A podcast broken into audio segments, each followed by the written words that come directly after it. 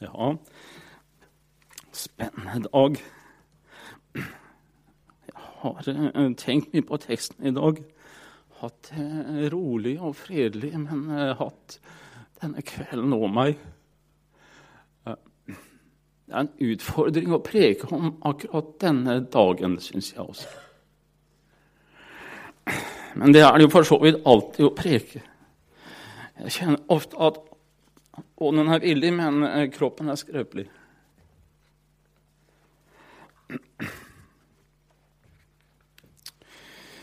Så um, det er en lengsel etter at Herren skal få lov til å bruke oss rett på det rette sted og med rette ord og budskap til enhver tid. Det er min, min bønn og min lengsel. Jeg lengter etter vekkelse, og jeg har ofte ønska og bedt om at det måtte skje i Tromsø. Det vet jeg mange av dere eldre også lengter etter. Jeg tror i hvert fall det er mange ting som eh, ofte i hvert fall ligger bak en vekkelse. Det ene er at i troen er mye bønn.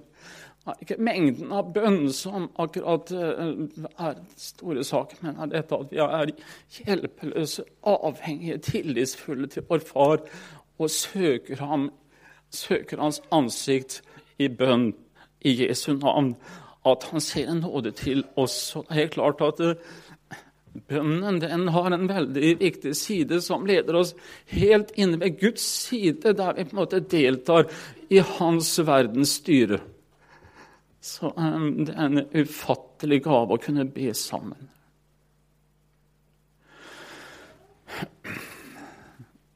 Andre er at det er troende som har hjerte for byen, og som har kontakter på arbeid, familie eller her og der, som kan innby mennesker til møter, og som har en slik evne til å komme i kontakt.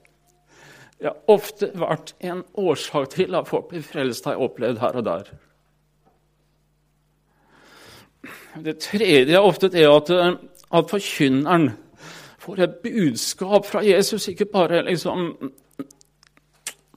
har noen ord eller en forberedelse, men har fått et ord, et budskap fra ham til stedet. For når Gud gir budskap, så gir Gud også folk. Jeg tror også det er ofte sammenheng med når Herren taler, at begynner å samle folk også under den talen. Så vi må be om at forkynnerne får høre hva Ånden sier til landet vårt og til folket vårt.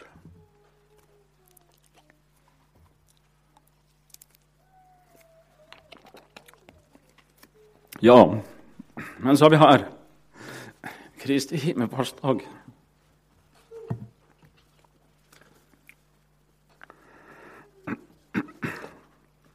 La oss be.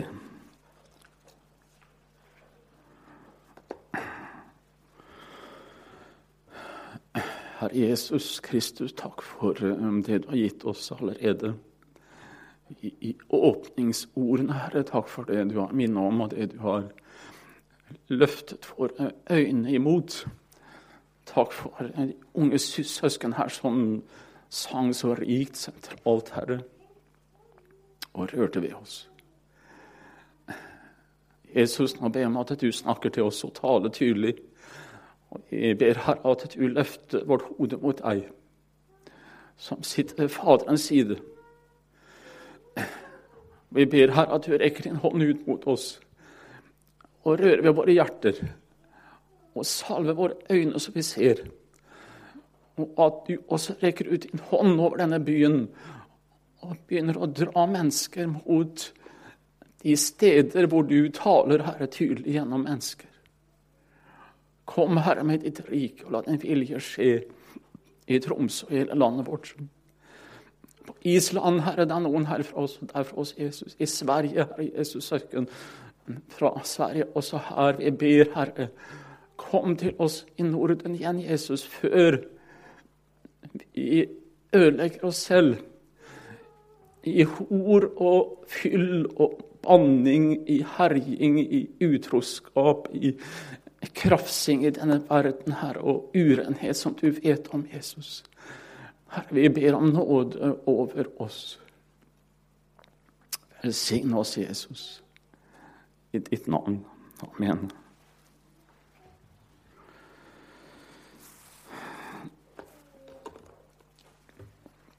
Jeg har lagt merke til at jeg har prekt over den teksten før, eller i hvert fall prekt over Kristi før her oppe i Tromsø. Det tror jeg er fem år siden. Men det har vel dere glemt. Men jeg tar ikke fram den samme teksten, selv om det er en del tanker der. Denne dagen feirer vi Kristi innfartsdag fordi det er 40 dager siden Jesus Kristus sto opp fra de døde. Og 50 dager etter den dagen så feirer vi pinse. Pentekoste, som betyr 50. Så 40 dager åpenbart Jesus seg for disiplene og vandret sammen med dem. Og den, på den 40. dagen så for han opp. Det er to forskjellige torsdager. Jeg har en tendens til å blande sammen skjærtorsdag og Kristi himmelfartsdag noen ganger, fordi det er, det er torsdag begge deler. Men uh, skjærtorsdag var en mørk dag da, da også Jesus gikk inn i Getsemane mot i nærheten av Oljeberget. Da var det, da var det virkelig eh, tungt og mørke. En forferdelig dag. Mens eh, Kristi himmelfartsdag, da Jesus går sammen med sine disipler også til Oljeberget, da var det helt stille. Ikke en katt mjauer, ikke en motstander bjeffer, ingenting. Det var helt stille. Nå er det Jesus seiersdag det er snakk om. Og denne dagen her, den um, har blitt kalt mange navn. Kjært barn har mange navn, også denne dagen. Den er kalt Kristi seiersdag. Den er kalt Kristi kroningsdag. Eller Kristi tronbestigningsdag. Eller rett og slett velsignelsens torsdag.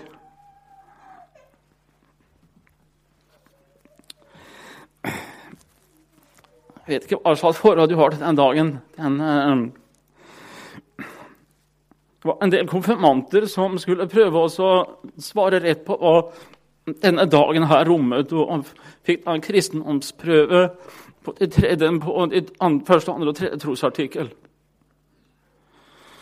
Det er ganske fornøyelig å høre hvordan de oppfattet også denne dagen. En konfirmant kalte Kristi himmelfartsdag for himmelspretten. Himmelspretten. Ja, ja. Og En annen startet den tredje trosartikkelen med å si 'jeg tror på Den hellige ånde'. Han hadde sikkert dårlig ånde, så da var det godt å kunne si 'jeg tror på Hellig ånde'. En konfirmant han uttrykte den eh, artikkelen var i slutten av andre. Sto opp fra dødsriket tredje dag, for opp til himmelen den fjerde.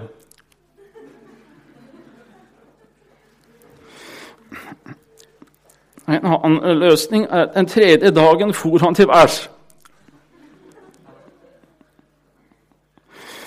En annen konfirmant han, han skrev i besvarelsen 'sto opp fra de døde for tredje gang'.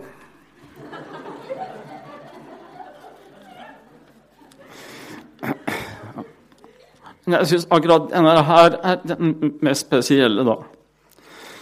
En han som uttrykket at Kristus sitter ved Faderens høyre hånd. Han sa det slik Sitter nå ved Guds høyre fars hånd. Så Han så for seg altså to fedre i himmelen, og Kristus satt ved siden av en høyre far. Det er ikke enkelt. Det er ikke det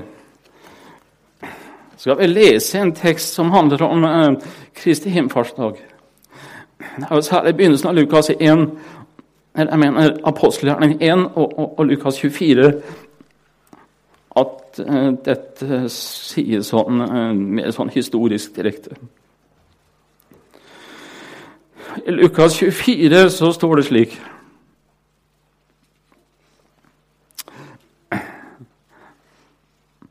vers 45. Da åpnet han deres forstand, så de kunne forstå, forstå Skriftene. Og han sa til dem, så står skrevet at Messias måtte lide og stå opp fra de døde den tredje dagen, og at, han, at i hans navn skal omvendelse og syndes forlatelse forkynnes for alle folkeslag fra Jerusalem av. Dere er vitner om dette. Og se, jeg sender over dere det som min far har lovt. Men dere skal bli i byen til dere blir ikledd kraft fra det høye. Han førte dem ut imot Betania, og han løftet sine hender og velsignet dem. Og det skjedde mens han velsignet dem, at han skiltes fra dem og ble tatt opp til himmelen. Og de falt ned og tilba ham og vendte tilbake til Jerusalem med stor glede. Og de var alltid i tempelet og lovet og priste Gud.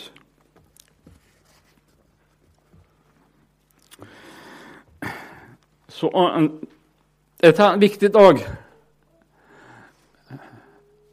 Det er vanskelig å sammenligne høytidsdager, men eh, glemmer vi Kristi himmelfartsdag mellom jul og påske og pinse. De tre mest store og kjente.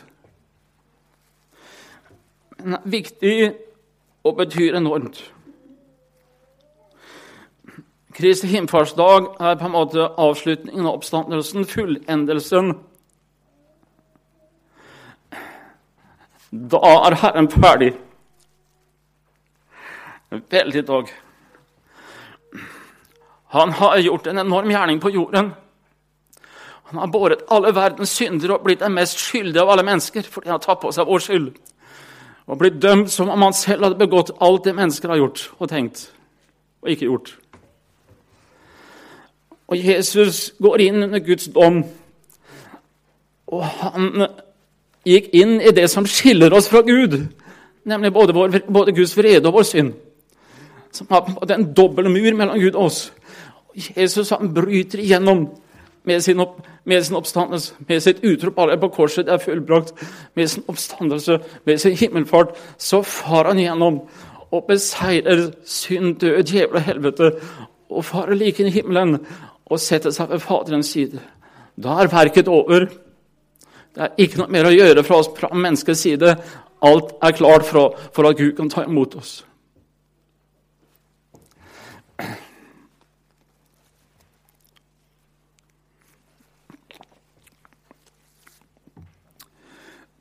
Når vi bekjenner sto opp fra de døde tredje dag, for opp til himmelen, sitter ved Guds den allmektige Faders høyre hånd, skal derfor komme igjen for å dømme levende og døde. Når vi, når vi sier det, da bekjenner vi ikke at Jesus dro bort fra oss. Vi bekjenner ikke at han liksom er langt fra oss. Tvert imot så bekjenner vi da nei, En del nemlig som tenker sånn at når Jesus liksom far av gårde slik, da forsvinner han bort fra kristenheten, og så sitter han langt her oppe i det fjerne, et eller annet sted i universet, og så er vi alene her. Men det er en helt gal forståelse av at Kristus for opp til himmelen. Han dro ikke fra oss. Tvert imot så er han mer nær oss enn noen gang nå. Han er nærmere oss enn noen gang fordi han fyller alt i alle nå. Slik som det står i Efeserbrevet, kapittel 4. Derfor sier Skriften han for opp i det høye og bortførte fanger, han ga menneskene gaver. Men dette at han for opp, hva er det uten at han først steg ned til jordens lavere deler? Han som steg ned, er den samme som for opp over alle himler for å fylle alt. Han for opp for å fylle alt. Enormt. Vi vet at som Gud så fyller han alt, ikke sant? Som Gud må han være til stede. Det er, altså, det er ikke en mygg, ikke, ikke, ikke en klegg, ikke en flue som har liv i seg selv. Gud står bak livet. Og at du kan sitte her og puste, at du helt kan røre deg. Det er Gud som gir livet til mennesket. Ikke bare han skapte det første gang, men fortsatt. Så er Gud til stede i sin skapelse. Hvis han trekker sin ånd tilbake, så ramler du sammen som en skurreklut. Det er ikke liv i deg. Så vi kan takke Herren for det. Som Gud er han til stede overalt. Men det vi kanskje ikke er klar over, det er at han også, også mennesker er til stede overalt. Kristus har jo to naturer, nemlig en guddommelig og en menneskelig natur. Som Gud var han til stede overalt, naturligvis. Fordi han er ett med Faderen, Skaperen. Og han var med i skapelsen. Og han er med i den fortsatte skapelse også, naturligvis. Men som menneske så kunne ikke Kristus vært til stede før han ble herliggjort som menneske. da Han sto opp fra døden. Og nå kan til og med hans menneskenatur være til stede overalt. Fordi hans menneskenatur er blitt herliggjort og fått del i guddommen. Det er en rar tanke. Han er ikke, altså Hans menneskenatur har ikke blitt Gud, men det er menneskenaturen som er blitt forenet med guddommen i Kristus. Og Dermed så kan Kristus også menneske være til stede overalt. Fordi det er en annen type menneskelighet enn det vi er vant til. Akkurat som han gikk på jorden, så kunne hans menneskenatur gå gjennom vegger, være til stede her, plutselig være til stede hos Emmaus-vandrerne, og så Jerusalem. Men det var jo som gudemenneske at han var overalt. ikke sant? Det er en tanke som veldig få begriper.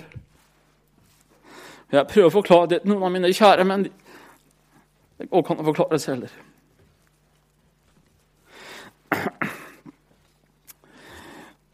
Jeg har hatt en glede av å jobbe en del med inkarnasjonen. og Det er blant annet noe av det jeg jobber med å skrive på nå, som en del av en større sak. Men det, det er dette er en stor hemmelighet at Gud ble menneske en gang. ikke sant? Gud forenet seg med noe menneskelig, med et menneske. Slik at Gud nå samtidig er et menneske. Og dette mennesket, Jesus, er samtidig Gud. Og hvorfor det? Han ble menneske for å redde mennesket. Det var mennesket som falt. Derfor måtte mennesket dømmes. Men han kunne ikke dømme mennesket uten at han selv ble menneske og tar på seg menneskets dom. Han ble menneskesønn som tar alle menneskers skyld og dom over seg, og blir behandlet som om han var alle mennesker. Så Jesus Kristus samlet på en måte i Guds øyne alle mennesker i seg. Så når Gud ser på Sønnen, da ser han deg i Jesus. Du var til stede der. Alle mennesker har fått en dom i Sønnen.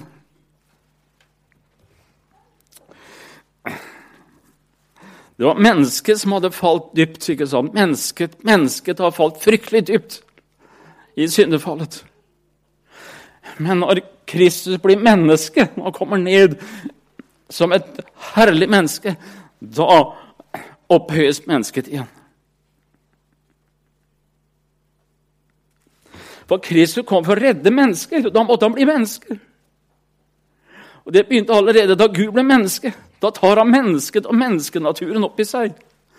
Og, og, og Man kan godt si det slik at han forenet seg med alle mennesker, også deg og min menneskenatur var til stede i Kristus.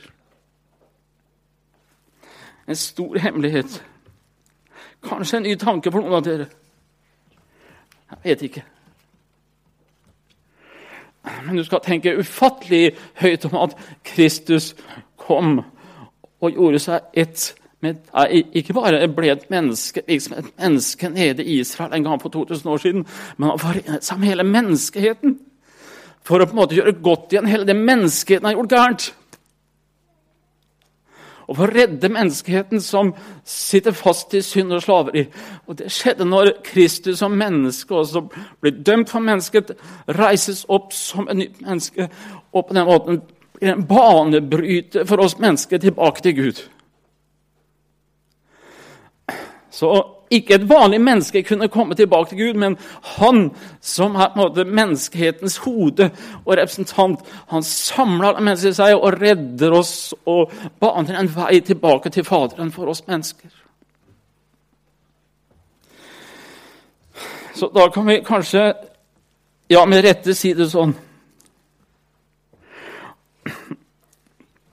Vi, vi bekjenner og tror det at Gud sitter på tronen. Vi har vanskelig for å tro og bekjenne det at et menneske også sitter på tronen. Men takk og lov at det er et menneske på tronen også. Gudemennesket Kristus. For da har jeg en bror der som vet hva det er å være menneske, som kjenner meg. Og vet hva menneskelig lidelse er, og opplever menneskelige fristelser, men har beseiret det. Og som bærer mitt kjøtt og blod i herliggjort utgave. Det er så godt å vite at det ikke er bare en sånn utilnærmelig, hellig, vanskelig Gud, og selv om han er vår far, så er det så godt å vite at Jesus Kristus, min bror, som er lik meg, som sitter på tronen. Et menneske. Jeg har lyst til å sitere noe av det de gamle sier om dette, her, for det tror jeg er ganske ukjent med. Jeg tenker på biskop Ambrosius, som betydde så mye for Augustin på 300-400-tallet. Han sier slik Mennesket sitter nå med Kristus på Guds trone. For Kristus er i himmelen fortsatt gudemennesket. Han legger aldri av seg sin menneskenatur. Det menneskelige er fra nå av en del av Gud, sier han. Og den kjære Johan Arnt han sier Gjennom Kristus er alle troende mennesker hevet opp til den guddommelige treenighetens trone. Ja. Alle mennesker som tror på Kristus, er nå hevet opp med denne Kristus og sitter ved Faderens side. For han er hodet for kroppen, den nye menneskehet. Og, og, og der hodet der må jo lemmene være òg. Eller tror du at eh, du har liksom huet et sted og så kroppen et annet? For å si det litt sånn rett på sak Hodet Kristus, han er hodet for menneskeheten, den nye menneskehet for alle troende. Og der han er, der også du. Og han ber, Far, jeg ber at der jeg er, skal de som du har gitt meg, være hos meg for at de skal se min herlighet. Vi er døpt til Kristus Jesus, er vi ikke det? Tror vi det? At vi er døpt til Kristus? Hvor mange er det som er døpt til Kristus her?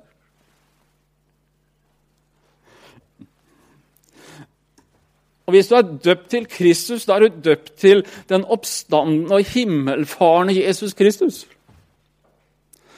Da er du døpt til hans himmelfart. Jeg driver en sånn katekismemeditasjon som jeg lærte fra 1500-tallet her i dag. og Da er jeg bl.a. innom trosartikkelen. Når jeg kom til det punktet der at det korsfestet, døde begravet, for ned til dødsriket, sto opp fra de døde tredje dag, for opp til himmelen, da bekjenner jeg at jeg er døpt til Han som sto opp og for opp. så Da, da bekjenner jeg at jeg også står, står opp med Kristus hver bidige dag. Det har skjedd allerede ved troen og dåpen at jeg forenet med ham. Men, men, hver eneste dag skal være en himmelfart for deg, slik at du hver eneste dag farer opp med Kristus og setter deg ved hans side. Ta plass, altså, i denne personen her.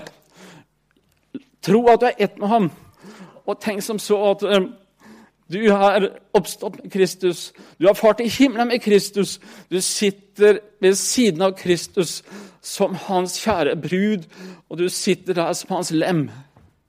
Der han her er du. Du er døpt til Kristus, og det Kristus gjorde, det er ditt. Alt hans. Så jeg skulle ønske vi kunne få øve oss i denne troens himmelfart hver bidige dag. Så vi reises opp i troen på Kristus og står foran ham og vet jeg er oppstanden med deg, Jesus. Jeg er like himmelfaren som du er, Jesus. Og så setter du deg ved siden av Kristus ved hans side, og så takker og lover du at det, det er din plass som han har vunnet for deg.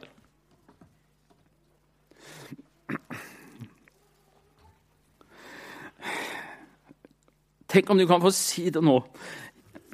Jeg er oppstanden med Kristus. Hør det som Herren sier gjennom Paulus. Her er Efeserbrevet kapittel 1.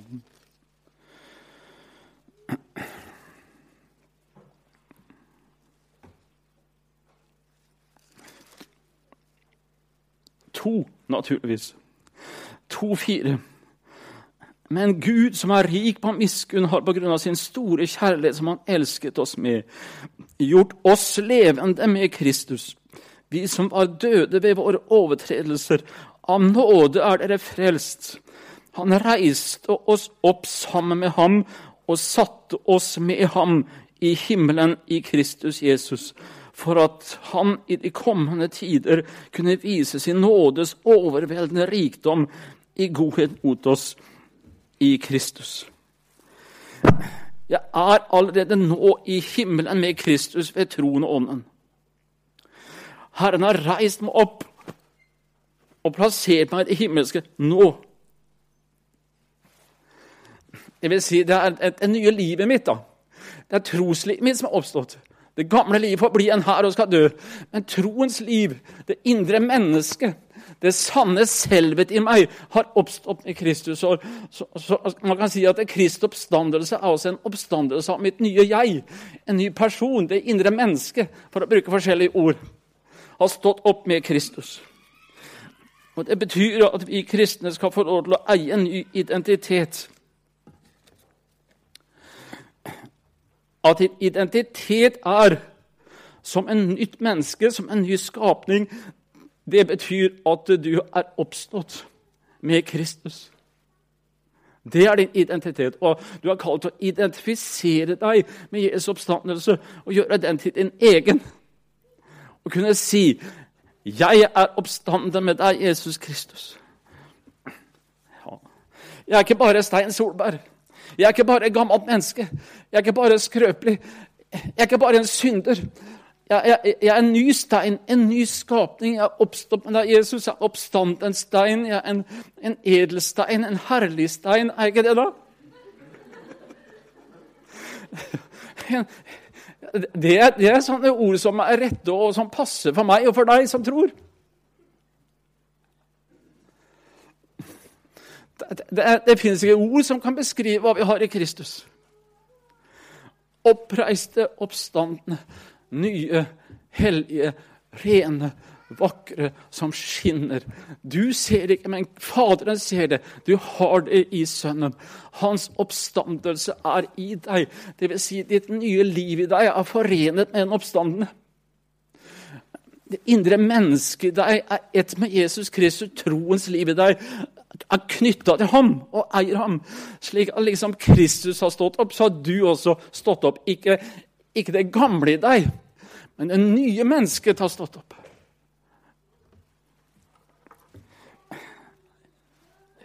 Jeg syns det liksom uh, var litt futt og klem i det jeg sa nå, så dere tok imot det. Hva, hva tenker du om deg selv, broder og søster? Kristus han har ikke bare dødd, oppstått og fart opp til himmelen for sin egen del, men han skulle ha med deg. Og det skjedde allerede i dåpen. Da kobla han til liksom, deg og han og forena dere, slik at du og han far oppover alle himler og fyller alt i alle. Du er til stede i Kristus og sitter ved Faderens side som hans kjære sønn og datter. Allerede nå eier du dette. Det er ikke det at vi kan ta ut alle godene og sånn og bli så herlige som en del herlige tror de er. Men det er likevel fullt og sant. Vi lever ennå her i livet med mange skrøpeligheter og kors og prøvelser. Men mitt nye liv er allerede nå til stede hos ham i tronsalen inne i helligdommen. Og som to leste i Kolossene 3.: Er dere reist opp med Kristus, så søk det som er der oppe og hør, er dere da reist opp med Kristus? Her brukes også et uttrykk på gresk som betyr at dere er villig reist opp med Kristus. Det er et faktum. Så søk det som er der oppe, der Kristus sitter ved Guds høyre hånd. La deres sinn være vendt mot det som er der oppe, ikke mot det som er på jorden. Dere er jo døde, og deres liv er skjult med Kristus i Gud. Når Kristus vårt liv åpenbares, da skal også dere åpenbares med ham i herlighet.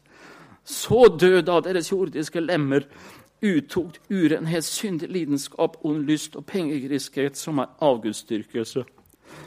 Og så det slik det står der.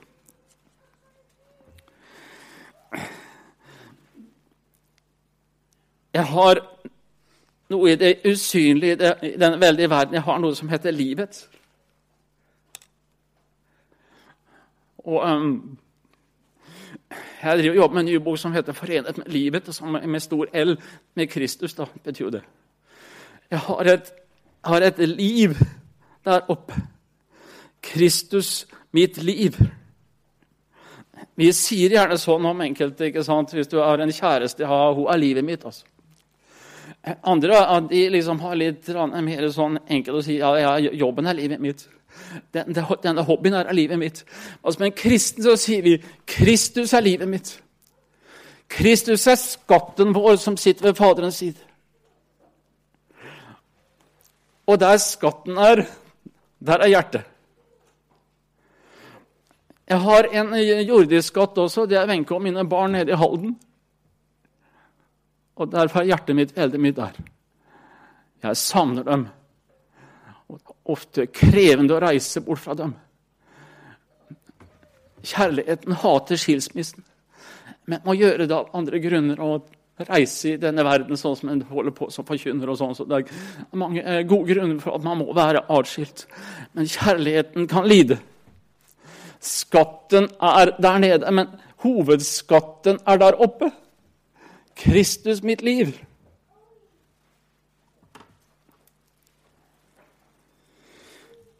Det, det, er liksom så, det, er en sånn hjelp å vite at jeg har et liv der oppe som er, helt, som er mitt liv. da. Det er mitt eget liv da, som egentlig han har gitt meg. Han er livet mitt. Veldig trøst.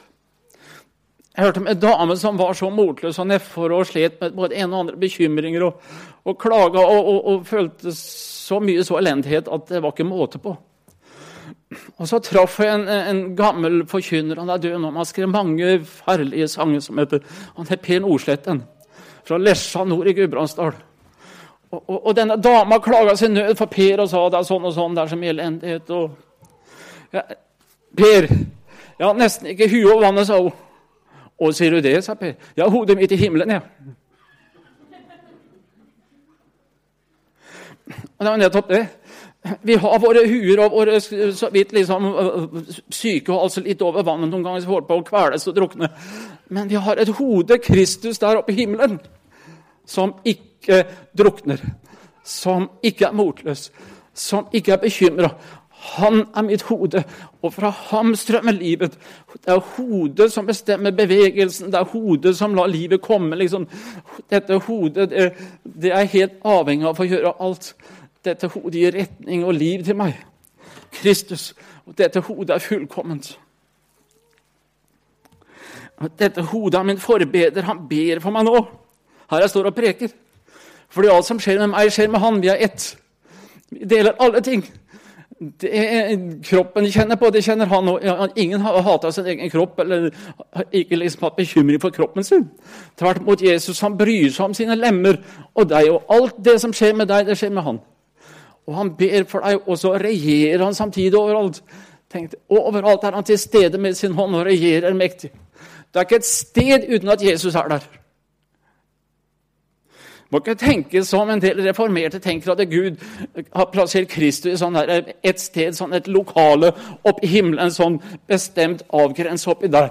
En slik tanke er helt fremme for Guds ord og for Luthers tenkning også, som har skjønt det.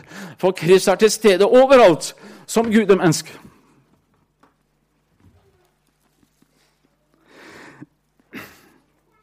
Derfor sier også Jeg har prøvd å sagt at um, vi har en brudgom i det høye, en brudgom. Tenk for han lengter etter oss. Som kan vise oss alt det han har gjort ferdig for oss. Han ser her går vi så fattige slås krøpe under synd og fristelse og død og elendighet. Og så, og så holder han på å lage rom for oss og lage selv en himmel for oss og herlighet for oss. Sånn som han gleder seg til å vise bruden hva han holder på med, og hva han skal gi oss. Vi kommer til å omtrent dø av overraskelse, tror jeg. Når han åpner liksom himmelen for oss og viser oss alt dette er ditt. Alt dette er deres. Like mye som det er mitt. Og Denne brudgommen følger nøye med på alt. Alle som rører ved deg, alt som skjer med deg, det skjer med han. Det følger han med på. Så brødre og søstre, vi er kalt til å ha troens øye vendt oppover. Og Det tror jeg disiplene gjorde fra den dagen. Når Jesus for opp, så tror jeg troens øyne liksom fulgte med oppover, like inn i helligdommen, og lurte på hva som skjedde der inne. Og det vet vi ikke fullt og helt. Men vi har hørt mye om det. Og vi er kalt til å ha sinnet vårt, i hvert fall der oppe. Tankene våre betyr det blant annet. Den du, den du liksom har hjerte for, tenker du på. Det er ikke så anstrengende, det. Hvis Kristus er skatten din.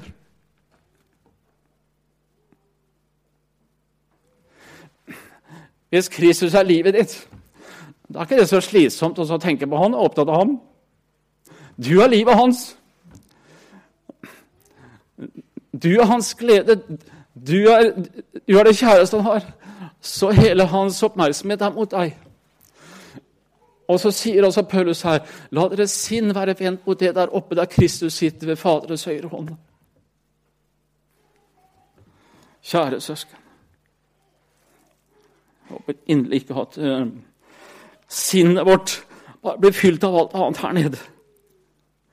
Vi har noe uendelig mye større og rikere enn alt som kan tenkes i Norge, og uansett hvilket sted i verden som en måtte snakke om.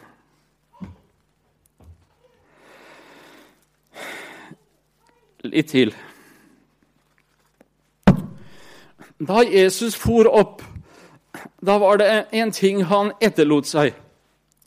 Det er ikke rare greiene, virker det som, men han, han etterlot seg én ting, og det var et bønnemøte. Han ville at vi skulle søke ham. Og I Apostlene 4 så hører vi også om et sånt bønnemøte. Det står i Apostlene 4, vers 24, da de hørte dette, løftet de samstemmig sin røst til Gud og sa, Herre, du som har gjort himmelen og jorden og havet og alt som er i dem, du har talt ved din hellige ånd ved din tjener Davids munn og sagt, hvorfor fnyste hedningene, hvorfor grunner folk på det som fåfengt er? Og så videre. Hva har dette med saken å gjøre? Det som kjennetegnet bønnelivet til de første kristne, det var at de ofte siterte salmer, og særlig to salmer, nemlig salme 2 og salme 110. Og vet du hvilken salme de handler om? Det er kongesalme. Det handler om da Messias sitter oppe i det høye ved Faderens side. Så de første troende de hadde sinnet og tankene sine oppover mot Han som satt der oppe i det høye. Der levde de, der ventet de seg mot, mot ham for å få all hjelp under forfølgelse og elendighet. De så oppover. For Salme 2 og Salme 110 handler nettopp om det. Om Herren som sitter, Messias som sitter ved Herrens side, og som rekker ut sin hånd både for å dømme og for å velsigne.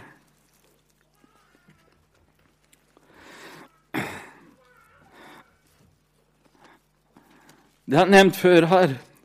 Jeg bare gjentar det.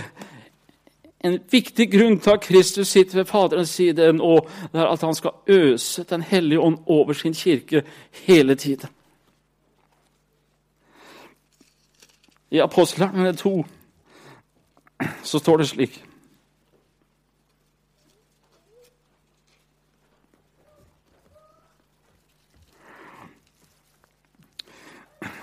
vers 32. Denne Jesus reiste Gud opp, og vi er alle vitner om det. Etter at han nå er opphøyet ved Guds høyre hånd, og av Faderen har fått Den hellige ånd, som var lovt. Det er klart at Jesus hadde en hellig ånd som Gud, men som menneske så får han også en hellig ånd nå i sin fylde.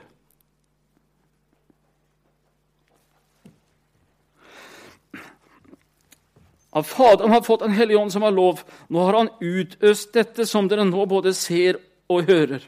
For David for ikke opp til himmelen, men han sier, Herren sa til min Herre, sett deg ved min høyre hånd, til jeg får lagt dine fiender til skammel for din, dine føtter. Jesus Kristus han øser ånden over oss. Fra og med himmelfarten kan vi si, skjedde det. Han kunne ikke gjøre det før. For han sier slik i Johannes kapittel 7 vers 37. På den siste store dag i høytiden sto Jesus og ropte ut. Om noen tørster, han komme til meg og drikke. Den som tror på meg, som Skriften har sagt, fra hans indre skal det flyte strømmer av levende vann. Dette sa han om den ånd de skulle få, de som trodde på ham. For ånden var ennå ikke gitt fordi Jesus ennå ikke var herliggjort.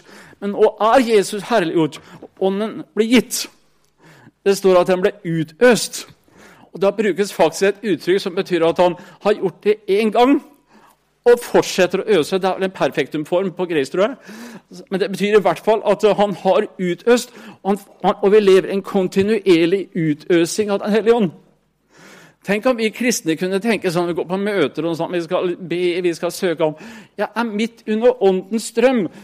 Fordi Kristus som hode han lar sin ånd strømme gjennom lemmene. Og du er hans lem. Det flyter fra ham. En evig åndsstrøm. Du er ikke hjelpeløs og bare deg sjæl. Du lever midt i åndsstrøm. Midt i hans utøsing fra hodet, som er gitt til menigheten, han som fyller alt i alle. Og vi sitter her og føler oss så fattige og elendige og har ingenting og er ingenting. Det er nesten, nesten ille. Jeg tenker på meg sjøl hvor jeg til de grader bommer. også. Jeg hørte en gang på lenge siden om noe som har lært meg noe i denne sammenheng. Dette her var seilskute, på seilskutetiden. Det var kanskje på 1800-tallet, før det muligens. Men i hvert fall så skjedde det som aldri skulle skje. At eh, skuta slapp opp for ferskvann. Og de var langt ifra land. Og, eh, det ble fullstendig katastrofe og krise. Og De prøvde å skaffe seg litt vann, kanskje koke litt. og de, Noen drakk til og med saltvann, men de var fryktelig syke. Det, men, men, og de ante ikke hva de skulle gjøre. De sendte ut signaler på noe vis for å prøve å få hjelp. Men det tok lang tid. Endelig så de et skip i horisonten som nærmet seg. Og Da er det at kapteinen og andre roper over har dere vann. Ferskmann, vi holder på å dø av tørst. Ja, men kjære dere, sa de andre, kan dere ikke bare stupe ut i vannet her og drikke? Er du gal, ropte det andre skipet. Vi kan ikke drikke saltvann. Det slukker ikke vår tørst, og det blir bare syke og kan dø av. Er dere ikke klar over nå, sa kapteinen på andre skipet, at dere nå har, uten at dere har skjønt det, seilt nå inn i munningen til verdens største ferskvannselv, Amazonas? Slik at det er ferskvann overalt så langt øyet kan se, og mange meter med ferskvann under dere.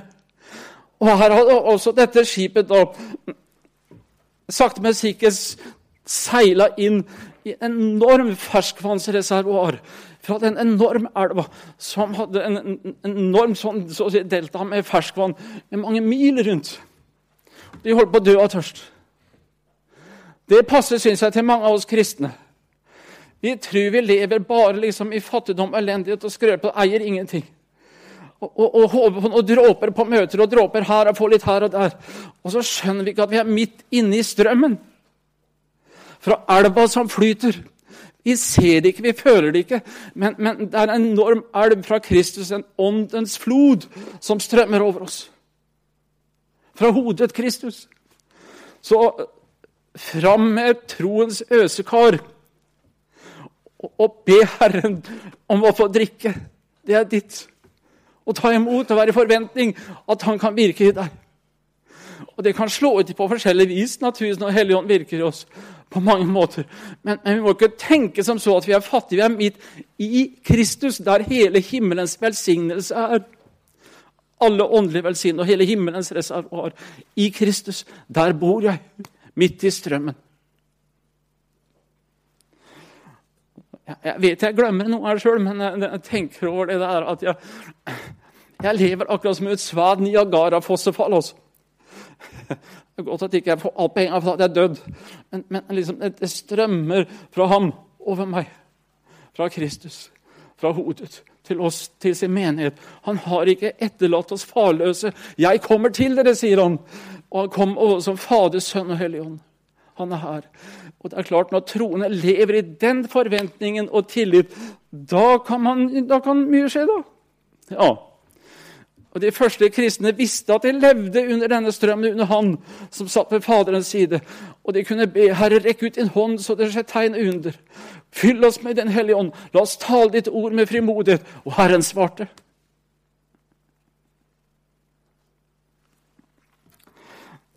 Det er så fint.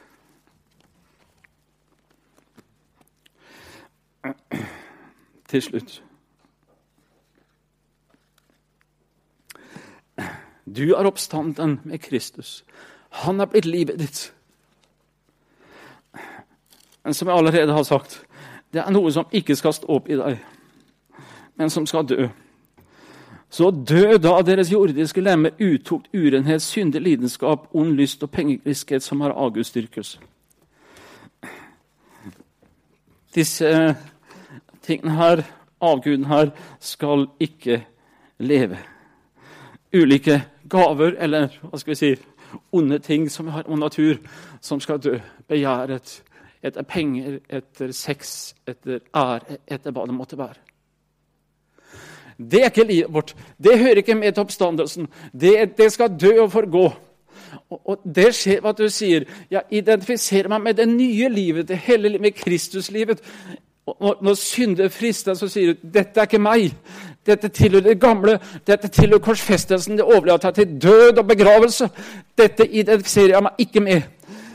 Dette hører ikke til det nye mennesket, men jeg tilhører Kristus. Jeg lever for ham, og han er livet mitt så kan du øve deg og identifisere deg med Kristus som ditt liv, og samtidig si nei til det gamle og si det gamle der er dødt. Det er ikke meg. Det vil jeg ikke leve etter. Jeg vil leve det nye livet. I, I, praksis så kan du gjøre det slik at du gjerne har et kors foran oss.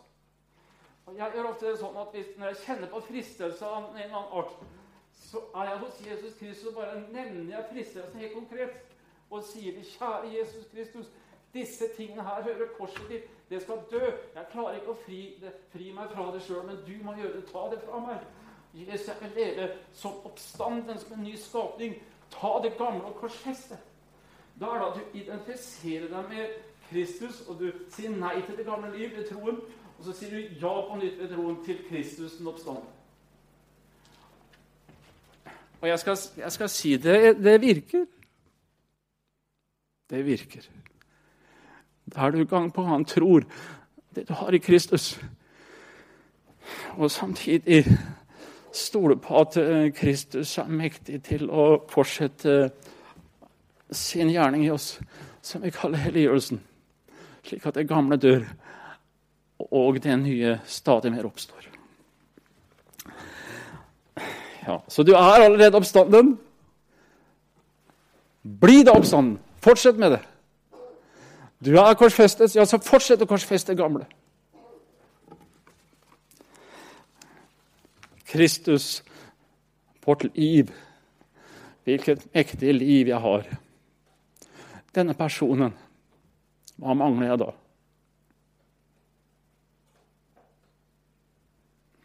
Han er livet til livet mitt. Jeg lever ikke lenger selv, men Kristus lever i meg.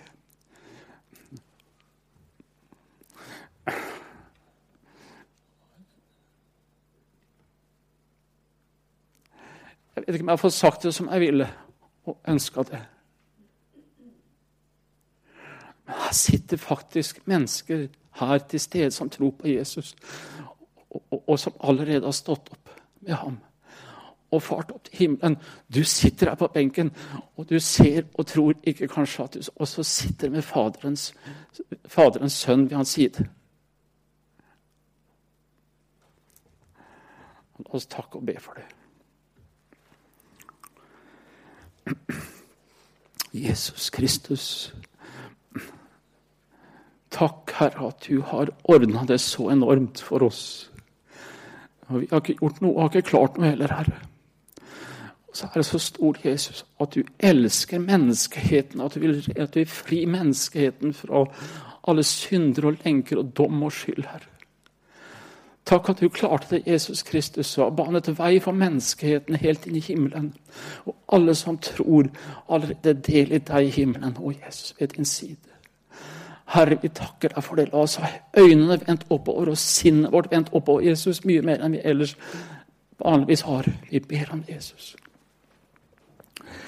Og så ber vi Herre at vi er på vakt mot det gamle i oss, som stadig vil prøve å få makt til å reise seg og få makt over oss. Men vi ber Herre om å si nei til det og ikke identifisere oss med det, men med deg, Jesus. La oss leve i den helliggjørelsen, men samtidig leve i den herlige rettferdiggjørelsen at vi allerede nå er hellige og vakre, oppstandende.